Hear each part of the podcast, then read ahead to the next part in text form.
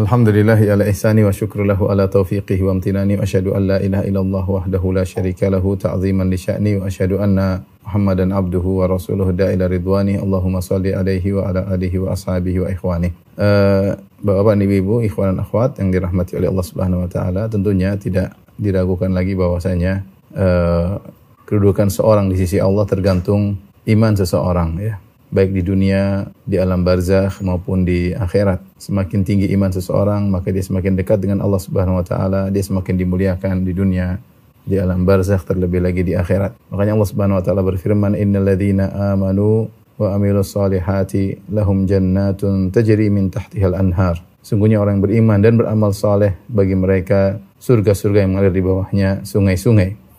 Oleh karenanya, seorang di dunia ini berusaha untuk menyempurnakan imannya. Dan inilah yang dilakukan oleh para sahabat seperti diriwayatkan dari banyak sahabat seperti dari Umar bin Khattab radhiyallahu anhu. Beliau berkata halummu nazdat imanan. Marilah kita menambah iman kita. Nazdat imanan. Marilah kita menambah iman kita ya. Kemudian juga Ibnu Mas'ud berkata ijlisu bina nazdat imanan. Marilah duduk bersama kami yaitu membicarakan tentang masalah iman agar iman kita uh, bertambah. Dan demikianlah banyak diriwayatkan dari para sahabat uh, mengajak untuk menambah uh, keimanan. Dan di antara akidah Ahlussunnah wal Jamaah yang merupakan akidah yang uh, penting menyelisih akidahnya orang-orang Mu'tazilah dan orang Khawarij yaitu al-iman yazid wa yanqus. Iman itu naik dan turun. Yazid bit ta'ah wa yanqusu bil ma'siyah. Naik dengan ketaatan dan uh, turun dengan kemaksiatan ya. Jadi akidah Ahlussunnah ya, al-iman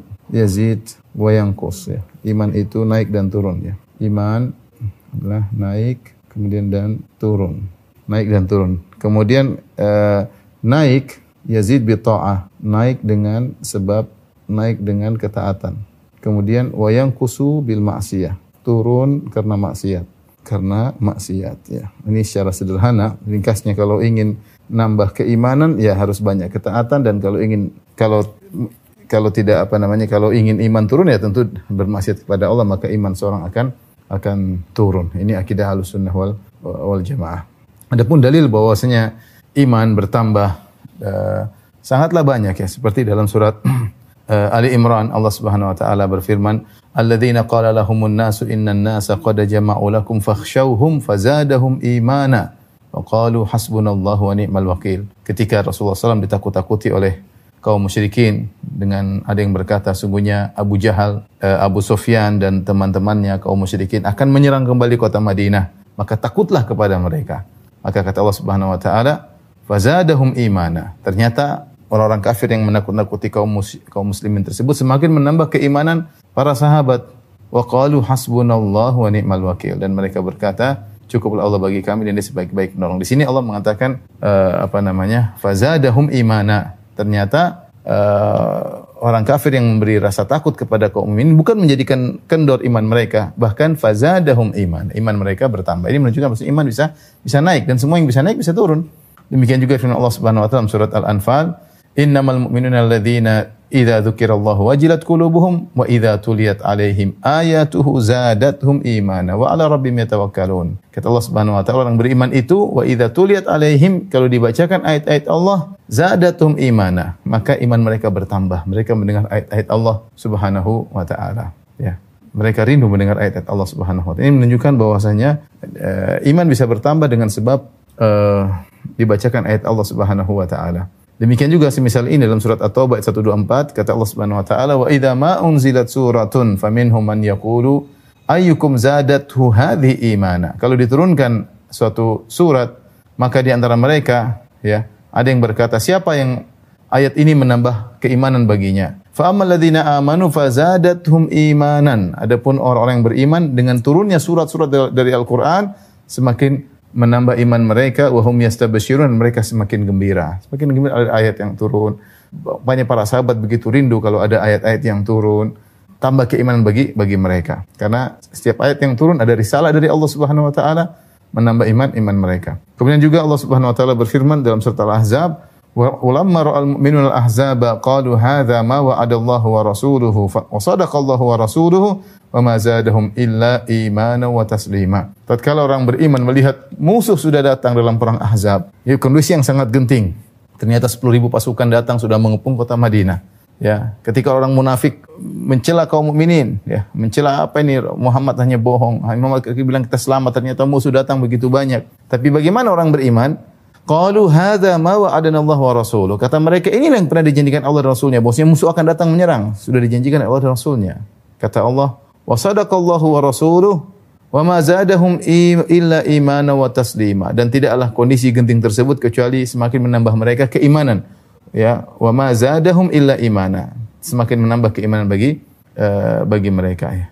Kemudian juga Allah Subhanahu wa taala berfirman dalam surat Al-Fatah, "Huwallazi anzala sakinata fi qulubil mu'minina liyazdadu imanan ma'imanihim." Dialah Allah yang Subhanahu wa taala telah menurunkan ketenangan. Kadang Allah memberikan tambahan keimanan dengan memberikan ketenangan, ketentraman, keyakinan bagi orang beriman. Kata Allah, "Liyazdadu imanan ma'imanihim." Agar iman mereka bertambah daripada iman yang sudah ada sebelumnya ya. Dan inilah di antara dalil-dalil bahwasanya iman itu bertambah dan secara logika kalau iman bertambah bisa kurang. Iman bertambah bisa bisa kurang ya. Demikian juga Allah Subhanahu wa taala menyuruh orang yang sudah beriman untuk beriman lagi. Allah beriman, Allah berfirman, "Ya ayyuhalladzina amanu aminu billahi wa rasulih." Wahai orang yang beriman, berimanlah kepada Allah Rasulnya. Wahai orang yang beriman, berimanlah. Ditafsirkan oleh sebagian ulama, maksudnya tambahlah iman kalian. Itu tetaplah dan tambahlah. Kalau misalnya ada orang sedang makan, ada tamu kita lagi makan, dia sedang makan. Eh makanlah. Maksudnya apa? Tambah makannya. Kalau dia sedang makan, ketika seorang sedang makan, misalnya tamu di rumah kita sedang makan, harus kita bilang sama dia, makanlah, berarti kita suruh dia tambah tambah makan. Allah berfirman, Ya ayyuhalladzina amanu aminu billahi wa rasulihi wal kitabil ladzi anzala nazzala ala rasuli wal ladzi anzala min qabl. Wahai orang yang beriman, berimanlah ke, tambahkanlah iman kalian kepada Allah dan Rasulnya dan berimanlah kepada kitab alladzi nazzala ala rasulihi Al-Quran yang Allah turunkan kepada Rasulnya. Di sini Allah perintahkan untuk menambah uh, menambah keimanan. Uh, demikian juga uh, tentunya saya tidak akan sebutkan semua ayat, tapi saya beri isyarat bahwasanya iman itu bisa bertambah. Dalam Al-Quran menunjukkan bahwasanya iman bisa bertambah. Demikian dalam hadis-hadis. Ya dalam hadis-hadis Rasulullah SAW juga menyebutkan tentang uh, iman itu bertingkat-tingkat tidak sama ya. Kata Rasulullah sallallahu alaihi wasallam yakhruju minan nari man qala la ilaha illallah wa fi qalbihi waznu sya'iratin min khair. Keluar dari neraka jahanam orang yang mengucapkan la ilaha illallah dalam hatinya ada iman sebesar biji gandum. Wa yakhruju minan nar man qala wa fi qalbihi waznu burratin min khair. Dan di antara orang-orang di azab di neraka jahanam ada yang keluar imannya seperti uh, mengucap dengan mengucapkan la ilaha dan imannya sebesar biji jagung, eh, eh, eh, biji gandum ya. Eh, kemudian Rasulullah SAW mengatakan wa yakhruju minan nari man qala ilallah fi qalbihi waznu dzarratin min khair. Dan keluar dari neraka ada orang yang imannya sebesar biji jagung ya. Jadi ada yang keluar imannya sebesar. Jadi di, ini orang-orang Islam mengucapkan la ilaha tapi bermaksiat sehingga mereka diadab dalam neraka jahanam. Ternyata iman mereka rendah dan dalam iman yang ada tersebut juga bertingkat-tingkat. Ada yang imannya sebesar biji gandum yang uh, syair yaitu biji gandum yang putih, ada yang bur, biji gandum yang coklat ya dan ada yang sebesar biji biji uh, jagung. Kemudian dalam riwayat yang lain kata kata apa namanya? Allah kepada orang-orang beriman yang ingin beri syafaat kepada penghuni surga, kata Allah, "Idhabu faman wajadtum fi qalbihi mithqala dzarratin min iman fa akhrijuhu." Ya, Pergilah kalian ke neraka orang yang beriman, beri syafaat. Ambillah orang-orang yang kalian dapat dalam neraka jahanam yang masih memiliki iman sebesar zarrah. Itu ukuran yang sangat kecil. Ya, ukuran sangat-sangat kecil ya. Kemudian uh, dalam riwayat yang lain, idhabu faman wajadtum qalbahu fi qalbihi mithqala dinarin min imanin fa. Keluarkanlah dalam neraka, dari neraka orang-orang yang kalian dapat dalam neraka punya iman sebesar uh, dinar. Ini lebih besar lagi, ya.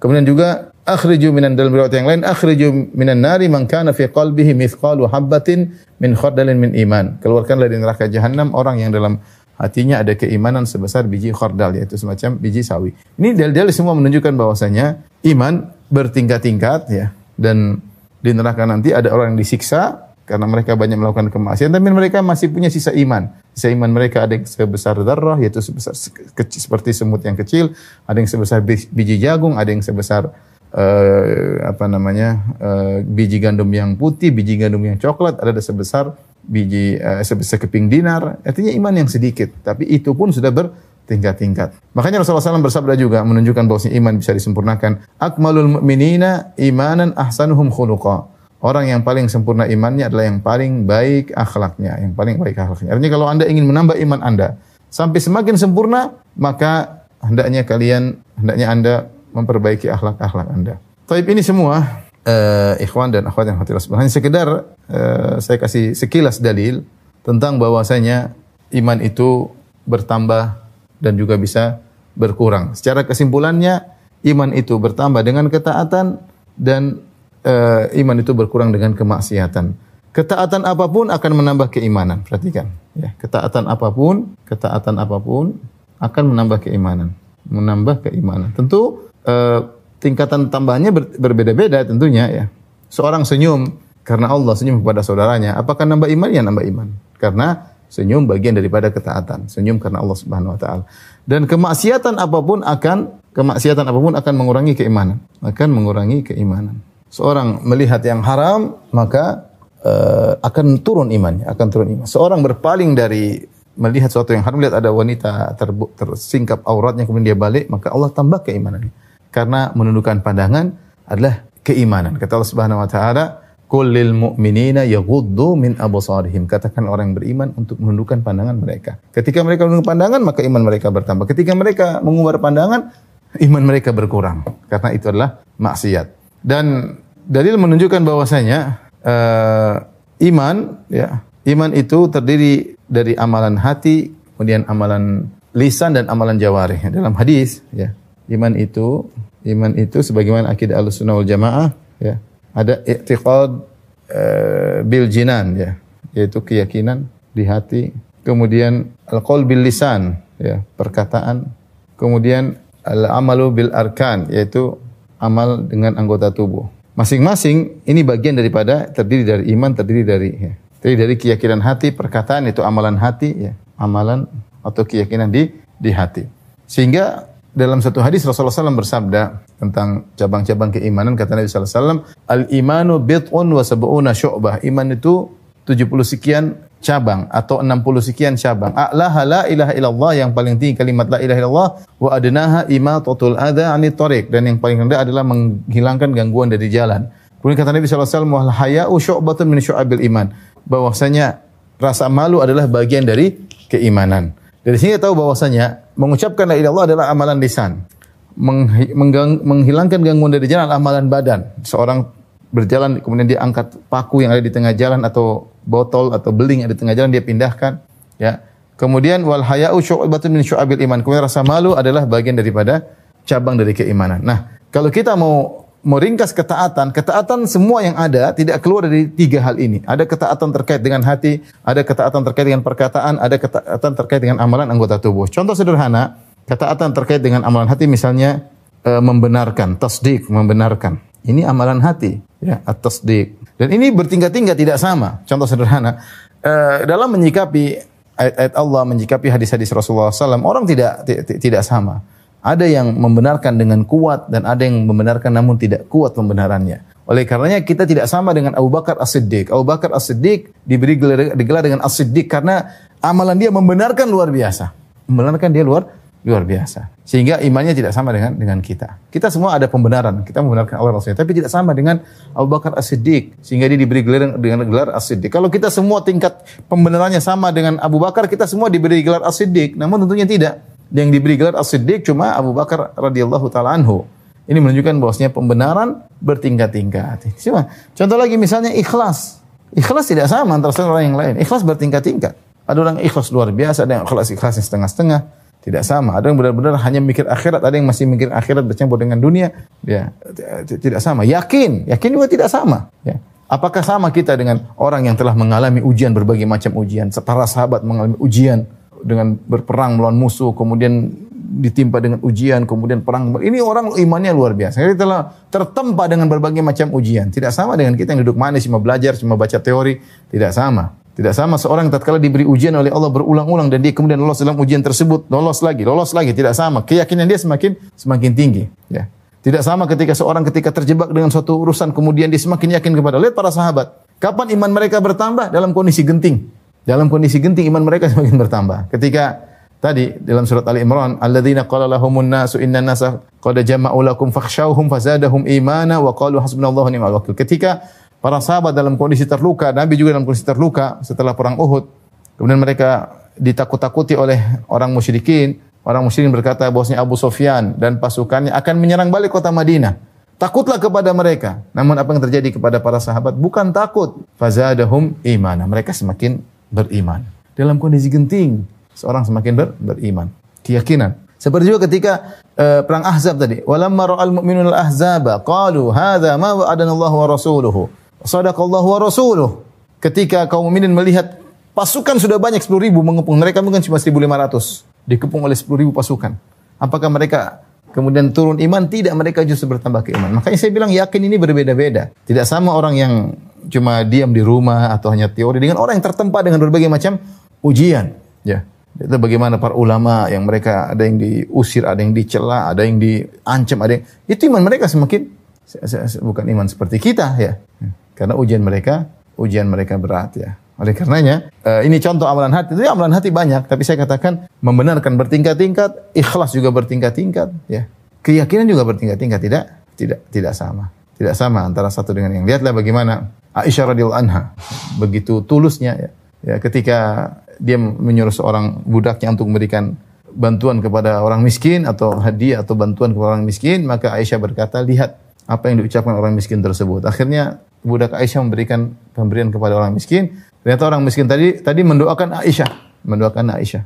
Maka sang budak menyampaikan, wahai tuanku, wahai majikanku, sungguhnya orang miskin tadi mendoakan anda begini, begini, begini. Kata Aisyah pun mendoakan orang budak tersebut sebagaimana budak tadi mendoakan dia. Kenapa? Karena Aisyah tidak berharap kecuali pahala dari Allah. Ini ini orang mendoakan Aisyah, Allah Aisyah balas dengan mendoakan dia. Karena Aisyah murni ingin mendapatkan ganjaran hanya semata dari Allah. Sebagian kita ikhlas tapi masih terkadang mengharap pamrih terkadang masih ingin dihormati, terkadang masih ingin didoakan, terkadang masih banyak. Namanya kita tidak tidak sama, iman berbeda-beda. Ya, keyakinan berbeda-beda. Lihatlah antara Abu Bakar dan Umar saja ke, ke, keyakinan ke, kekuatan kekuatan keimanan berbeda.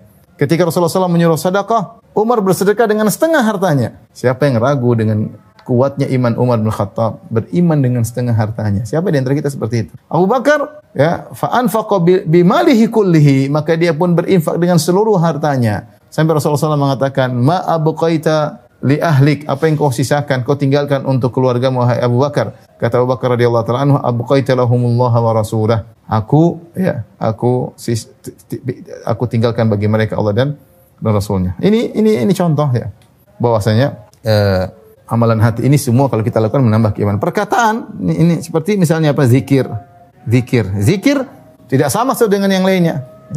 Kata Allah Subhanahu wa taala, "Ala bi dzikrillah tatmainnul qulub." Ketahui dengan dengan berzikir mengingat Allah maka hati semakin tenang, semakin nambah keimanan, ya. Semakin nambah keimanan karena semakin tenang, semakin yakin nambah keimanan. Seperti kata Ibrahim alaihissalam ketika dia meminta kepada Allah untuk menunjukkan bagaimana penciptaan. Dia mengatakan, "Rabbi arini kaifa tuhyil mauta."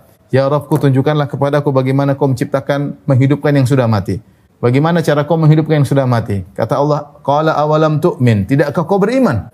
Wahai Ibrahim, bahwasanya aku bisa mencipt, menghidupkan yang mati. Kata Ibrahim, "Qala bala." Aku beriman bahwasanya engkau bisa menghidupkan yang mati. Walakin liyatma'inna qalbi, tapi aku ingin lebih tentram hatiku.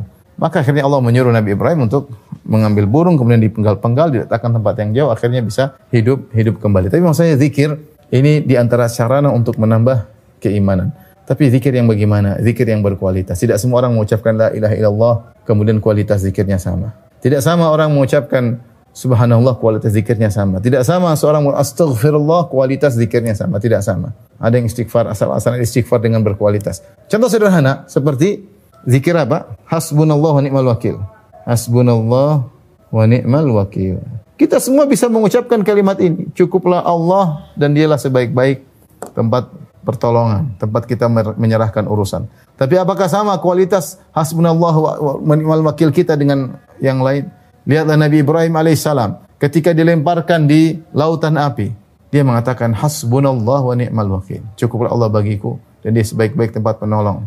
Maka Allah mengatakan, Kulna ya narukuni bardan wasalaman ala Ibrahim. Wahai api, jadilah kau dingin dan keselamatan bagi Ibrahim. Asbunallah wakilnya berkualitas. Ada dampaknya. Allah langsung kasih pertolongan. Allah menjadikan api yang bakar menjadi dingin. Nabi Muhammad SAW ketika dikatakan Inna inna nasa qad jama'u lakum fakhshawhum wahai Muhammad sungguhnya Abu Sufyan dan teman-temannya datang untuk menyerang kalian kembali. Fazadahum imana kata Allah semakin bertambah imannya Rasulullah dan para sahabat wa qalu hasbunallahu wa ni'mal wakil. Mereka mengucapkan hasbunallahu wa ni'mal wakil. Cukup Allah bagi kami dan dia sebaik-baik tempat bangun. Tidak semua orang mengucapkan hal ini.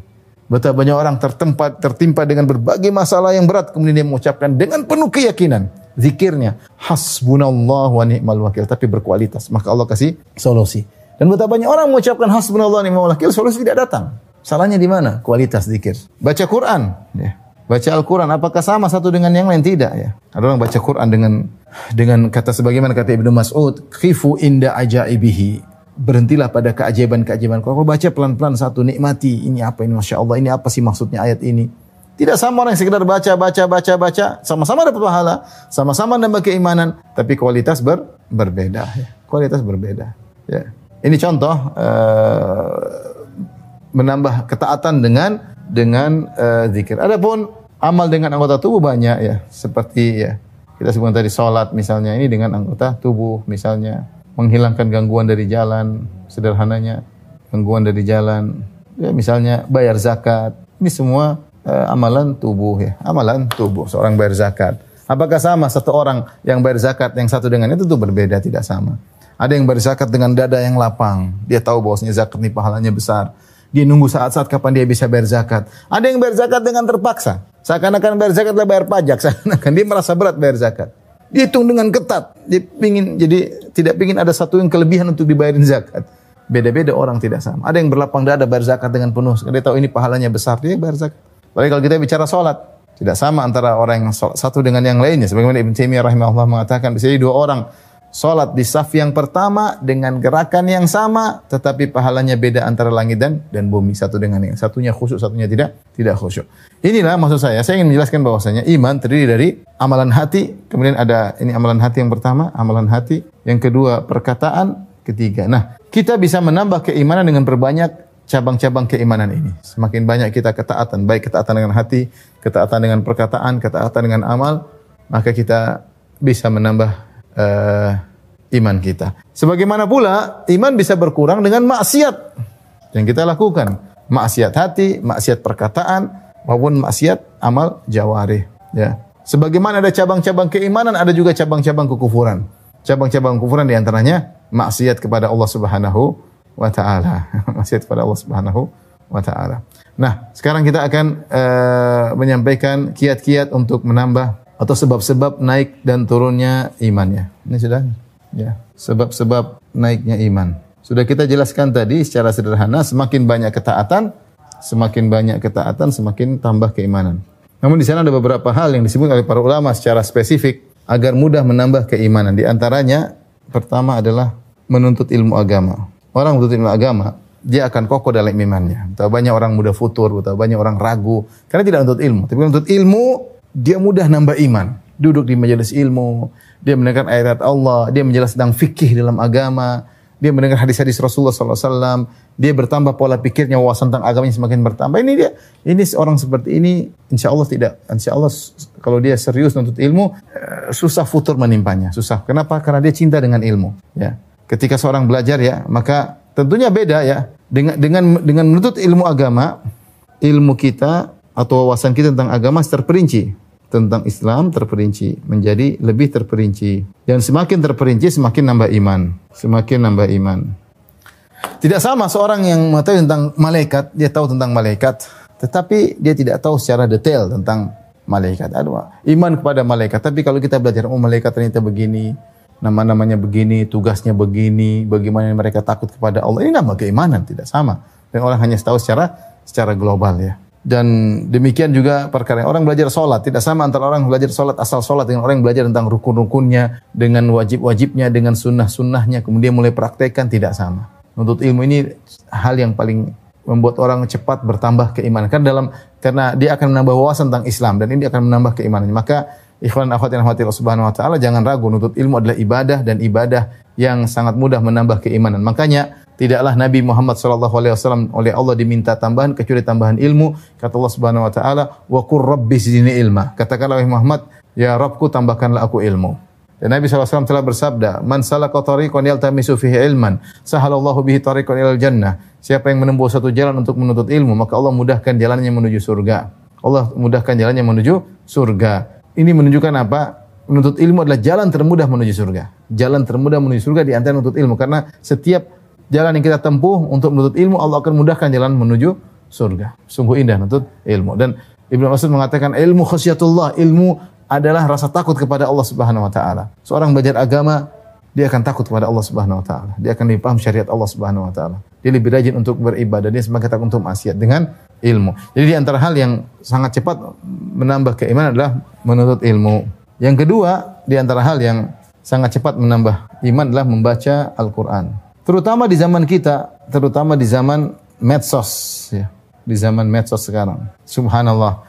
Hari-hari berlalu, kadang kita tidak baca Al-Quran. Semua kita baca berita tentang kriminal, berita tentang artis, berita tentang politik, berita tentang luar negeri, berita tentang dalam negeri semua kita baca. Berita tentang langit, angkasa luar kita baca. Berita dalam perut bumi mungkin kita baca tentang logam dan yang lainnya. Berita tentang akhirat kita tinggalkan. Ini benar bahwasanya seorang sangat mudah bertambah imannya ketika dia baca Al-Quran.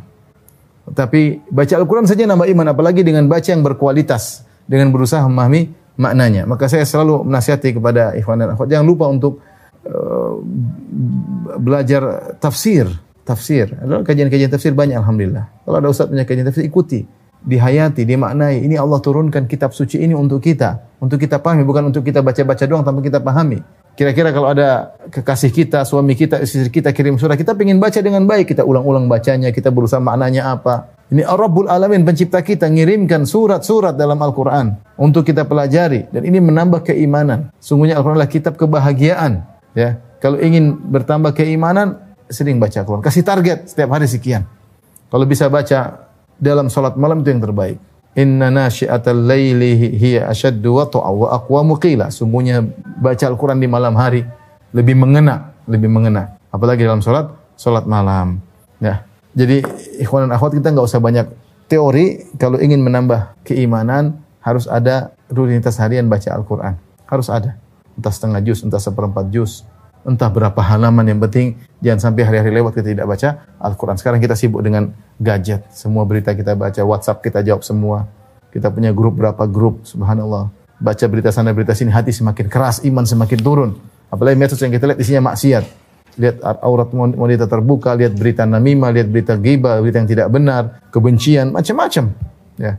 Maka eh, jangan lupa baca Al-Quran kalau bisa dengan dengan tadabur yang terbaik. Kata Ibnu Qayyim rahimahullahu taala, qira'atu ayatin bitafakkurin wa tafahumin khairun min qira'ati khatmatin bi ghairi tadabburin wa tafahumin. Membaca satu ayat saja dengan merenungkan, dengan tadabbur lebih baik daripada menghatamkan Quran tanpa tanpa tadabbur. Menghatamkan tanpa tadabbur. Ini fenomena yang sekarang kita kita bahagia di tanah air kita betapa banyak sekolah-sekolah tahfiz, tahfizul Quran. Banyak orang hafiz-hafiz Quran tapi sangat sedikit yang memahami isi Al-Quran. Ya, kita ingin mereka tidak berhenti pada hafal Quran saja. Ini hanyalah langkah awal. Selanjutnya adalah memahami ayat-ayat tersebut untuk di untuk dirinya pribadi dan untuk disampaikan kepada masyarakat. Ya, oleh karenanya, Fudail bin Iyad telah memperingatkan akan hal ini. Sebagian orang hanya membatasi dirinya pada hafal Quran doang untuk baca Quran saja. Kata Fudail bin Iyad, "Inna ma unzilal Qur'anu liyu'mala bih." Sungguhnya Al-Qur'an itu diturunkan untuk diamalkan. Fattakhadhan nasu qira'atahu amala. Maka orang hanya menjadikan mengamalkan Al-Qur'an adalah dengan baca saja, sudah cukup. Sibuk dengan tajwidnya. Oke, itu bagus sarana untuk kita semangat baca Quran, tapi bukan di situ tujuannya. Kita baca tujuannya agar kita pahami. Kita baca tujuannya agar kita bisa memahami, mentadaburi untuk kita amalkan. Ya. Subhanallah saya baru ketemu dengan beberapa seorang guru Quran dari uh, dari luar negeri ya dan dia sudah dan dia sudah dia main ke rumah dan dia sudah mengajar mengajar Quran mungkin puluhan tahun.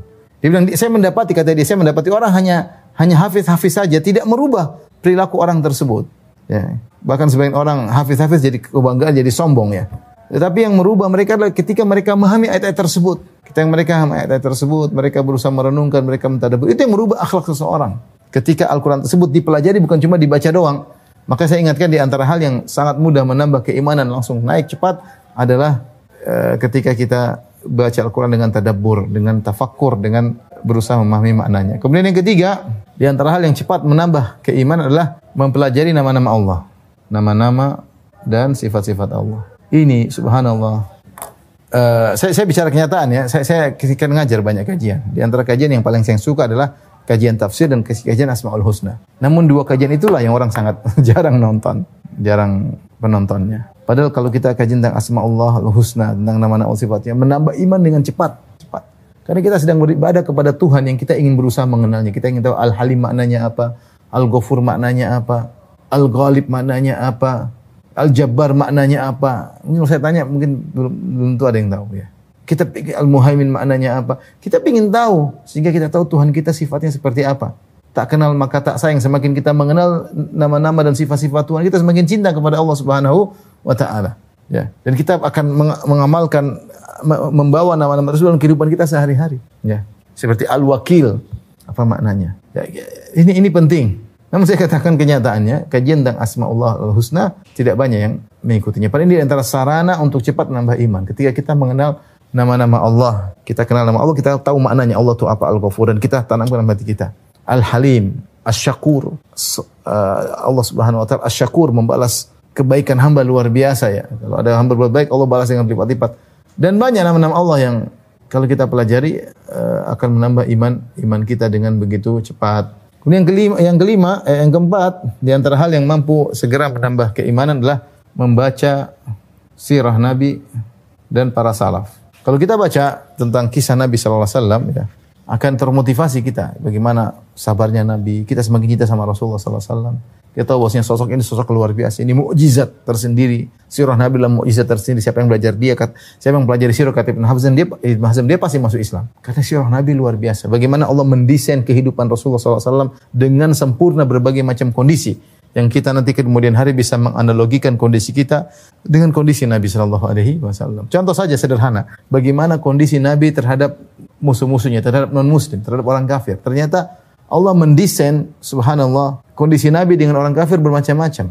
Di Mekah, bagaimana kondisi Nabi ketika diintimidasi dalam kondisi lemah. Ini orang kafir menyiksa para sahabat, Nabi dihina, Nabi di, uh, diganggu ya. Ya ada bagaimana kondisi ketika muslimin lemah di tengah orang kafir. Kondisi ini kita butuhkan betapa banyak kita minoritas orang Islam terzolimi, terintimidasi dalam satu negara non muslim yang besar. Bagaimana sikap yang seharusnya misalnya. Kemudian Nabi Allah juga menjadikan kondisi Nabi ketika Nabi SAW harus berperang dengan orang non muslim. Ada perang Badar, perang. Dalam peperangan tersebut berbagai macam juga kondisi. Terkadang bisa bertahan, terkadang bisa menyerang. Subhanallah. Allah mengkreat sejarah Nabi luar biasa. Demikian juga ternyata ada namanya perjanjian Huday Al-Hudaybiyah. Ternyata Nabi SAW juga bisa berdamai dengan non-muslim. Terjadi kejahatan-kejahatan selama 10 tahun sehingga mereka berinteraksi. Luar biasa, ada kondisi seperti itu. Ini terhadap semua non-muslim.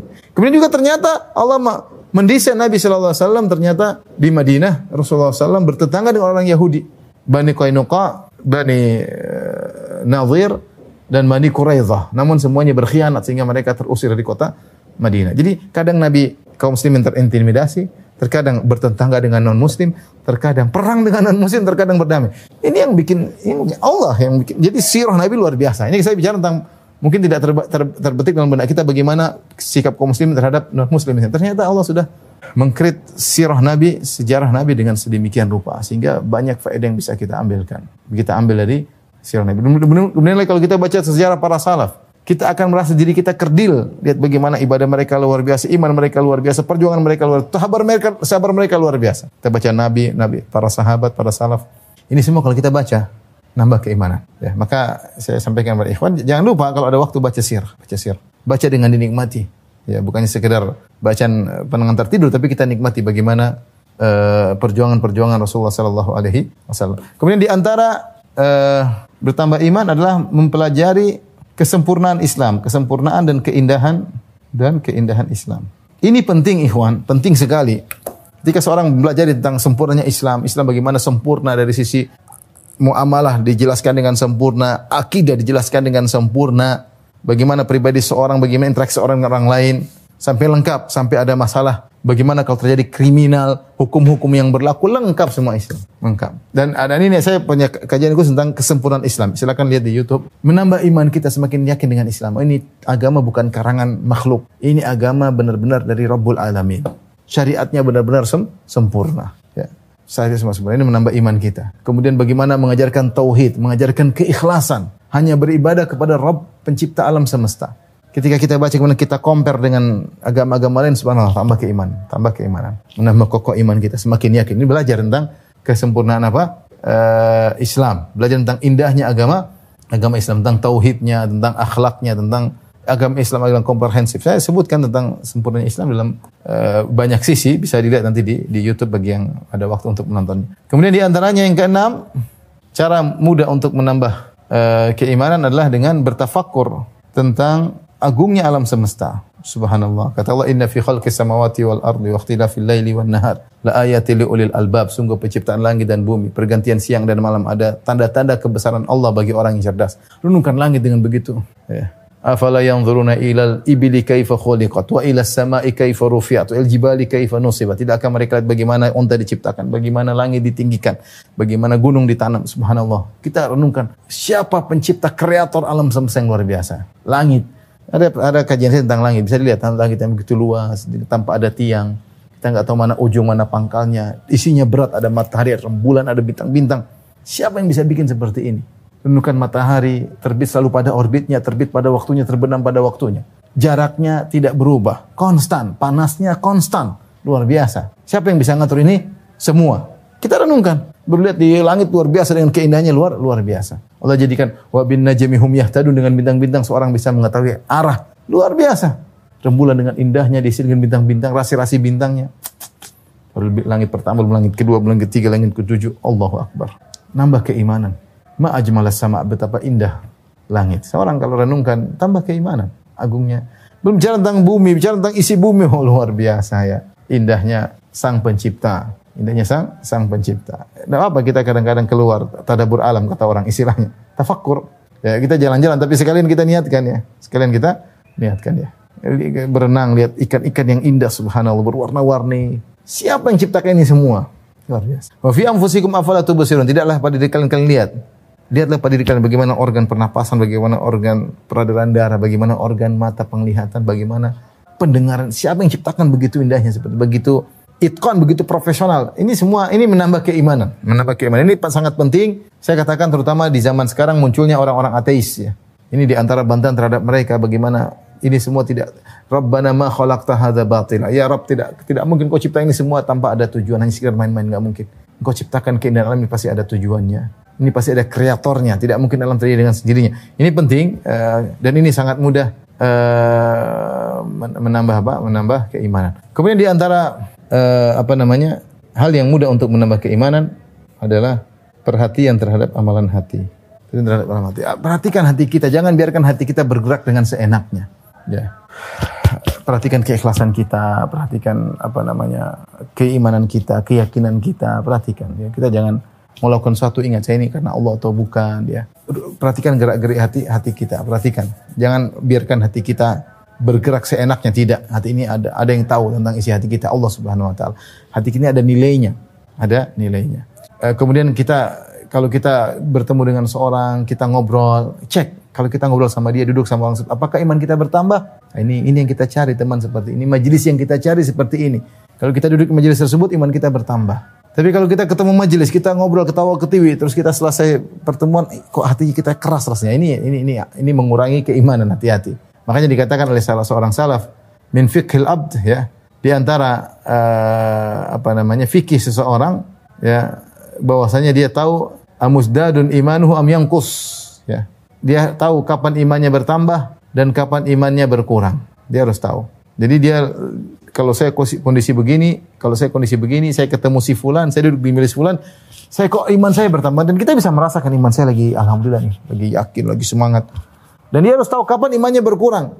Ketemu si fulan iman saya berkurang. Duduk di majelis seperti iman saya berkurang. Jangan biarkan dia bergerak tanpa memperhatikan gerak-gerik hatinya. Jadi perhatikanlah gerak-gerik hati dan ini sangat penting uh, dalam menambah uh, keimanan keimanan kita. Inilah ikhwan dan akhwat yang rahmatillah subhanahu wa taala. Tentunya kalau kita bicara tentang uh, sebab-sebab naiknya iman sangat banyak ya.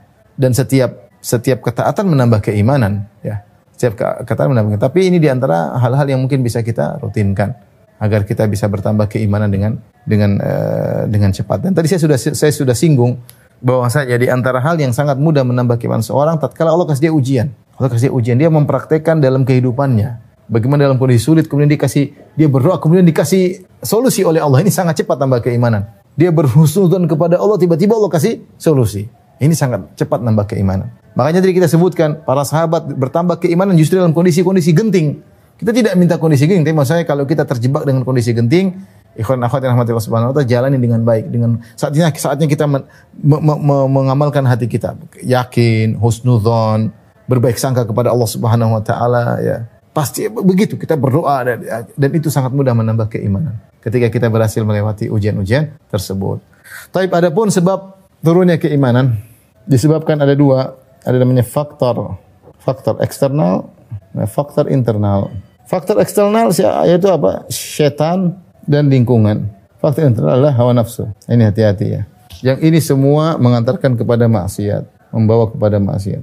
Yang maksiat mengurangi namanya keimanan. Makanya di antara zikir pagi petang kita berdoa Allahumma fatiras samawati wal ard alimal ghaibi wasyahada rabb kulli syai'in wa malika asyhadu an la ilaha illa anta a'udzubika min syarri nafsi wa min syarri syaitani wa syirkih wa naktarifa ala nafsi su'an aw ajra ila muslim itu doa zikir pagi petang ya Rabbku pencipta langit dan bumi, yang mengetahui yang gaib maupun yang nampak, Rabb kulli syai'in wa malikah, pencipta segala sesuatu dan penguasanya. Asyhadu an la ilaha illa anta, aku bersaksi tidak ada yang berhak disembah kecuali Engkau ya Allah. A'udzu bika min syarri nafsi. Aku berlindung kepada Engkau dari keburukan jiwaku. Jiwa ini punya keburukan. Ini faktor internal. Wa min syarri syaitani wa syirki dan aku berlindung kepada Engkau dari godaan syaitan yaitu faktor eksternal wa syirki dan jerat-jeratnya. Ada yang mengatakan wa syaraki dan anak buahnya, faktor lingkungan. Syaitan punya anak buah manusia dan jin. Ya. Wa naktarifa fi su'an au ila muslim atau aku melakukan perbuatan buruk untuk diriku dan atau aku membawanya kepada muslim yang yang lain. Ini faktor eksternal sangat ini semua bisa uh, apa namanya? membuat seorang terjerumus dalam kemaksiatan ya. Syaitan maka kita harus sering berlindung auzubillahi minasyaitonir rajim. Wala tattabi khutuwati syaitan. Jangan ikut-ikut langkah langkah syaitan. Lingkungan hati-hati. Lingkungan juga kalau syaitan musuh tidak kelihatan. Ya sudah tinggal kita hati-hati saja, banyak bertawuz kepada Allah. Lingkungan banyak hati-hati. Jangan kita mendekati lingkungan dengan maksiat. Lingkungan pengaruhnya luar luar biasa. Salah bergaul berbahaya, salah berteman berbahaya, salah buka HP, salah buka internet berbahaya. Ini semuanya faktor lingkungan. Dan ini pengaruhnya sangat-sangat sangat luar biasa. Hati-hati seorang waspada, tidak sembarang bergaul. Ibu-ibu tidak sembarang bergaul.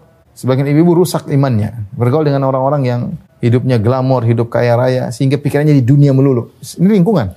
Tadinya dia rajin baca Quran, tadinya mungkin dia menangis terunyuh.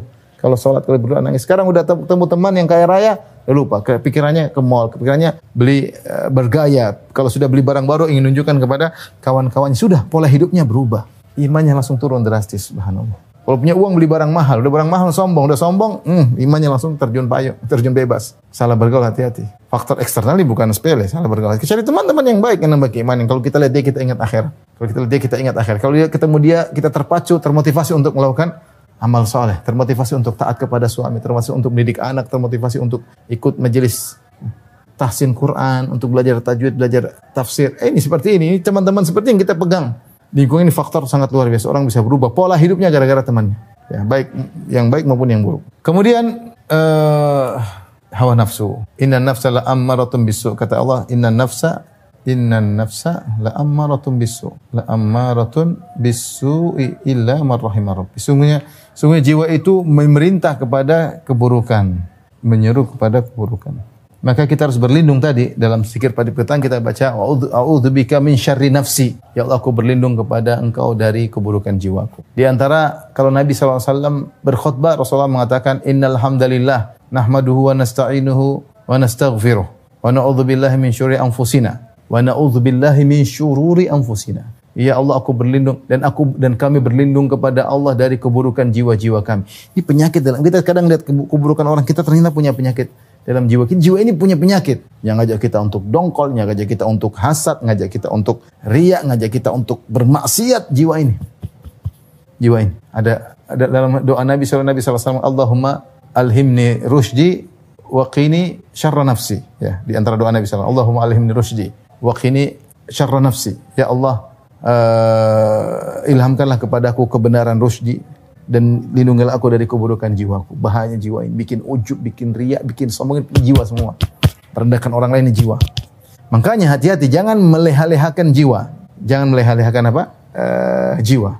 Di antara kemarin saya baru bahas tentang 20 sebab kenapa kita harus memaafkan. Ibnu Taimiyah rahimahullah menyebutkan kalau jiwa kita mau balas dendam kita tundukkan, kita tidak kita memaafkan. Kita lawan jiwa kita. Jiwa kita ini tadinya ingin menguasai kita dia nggak bisa.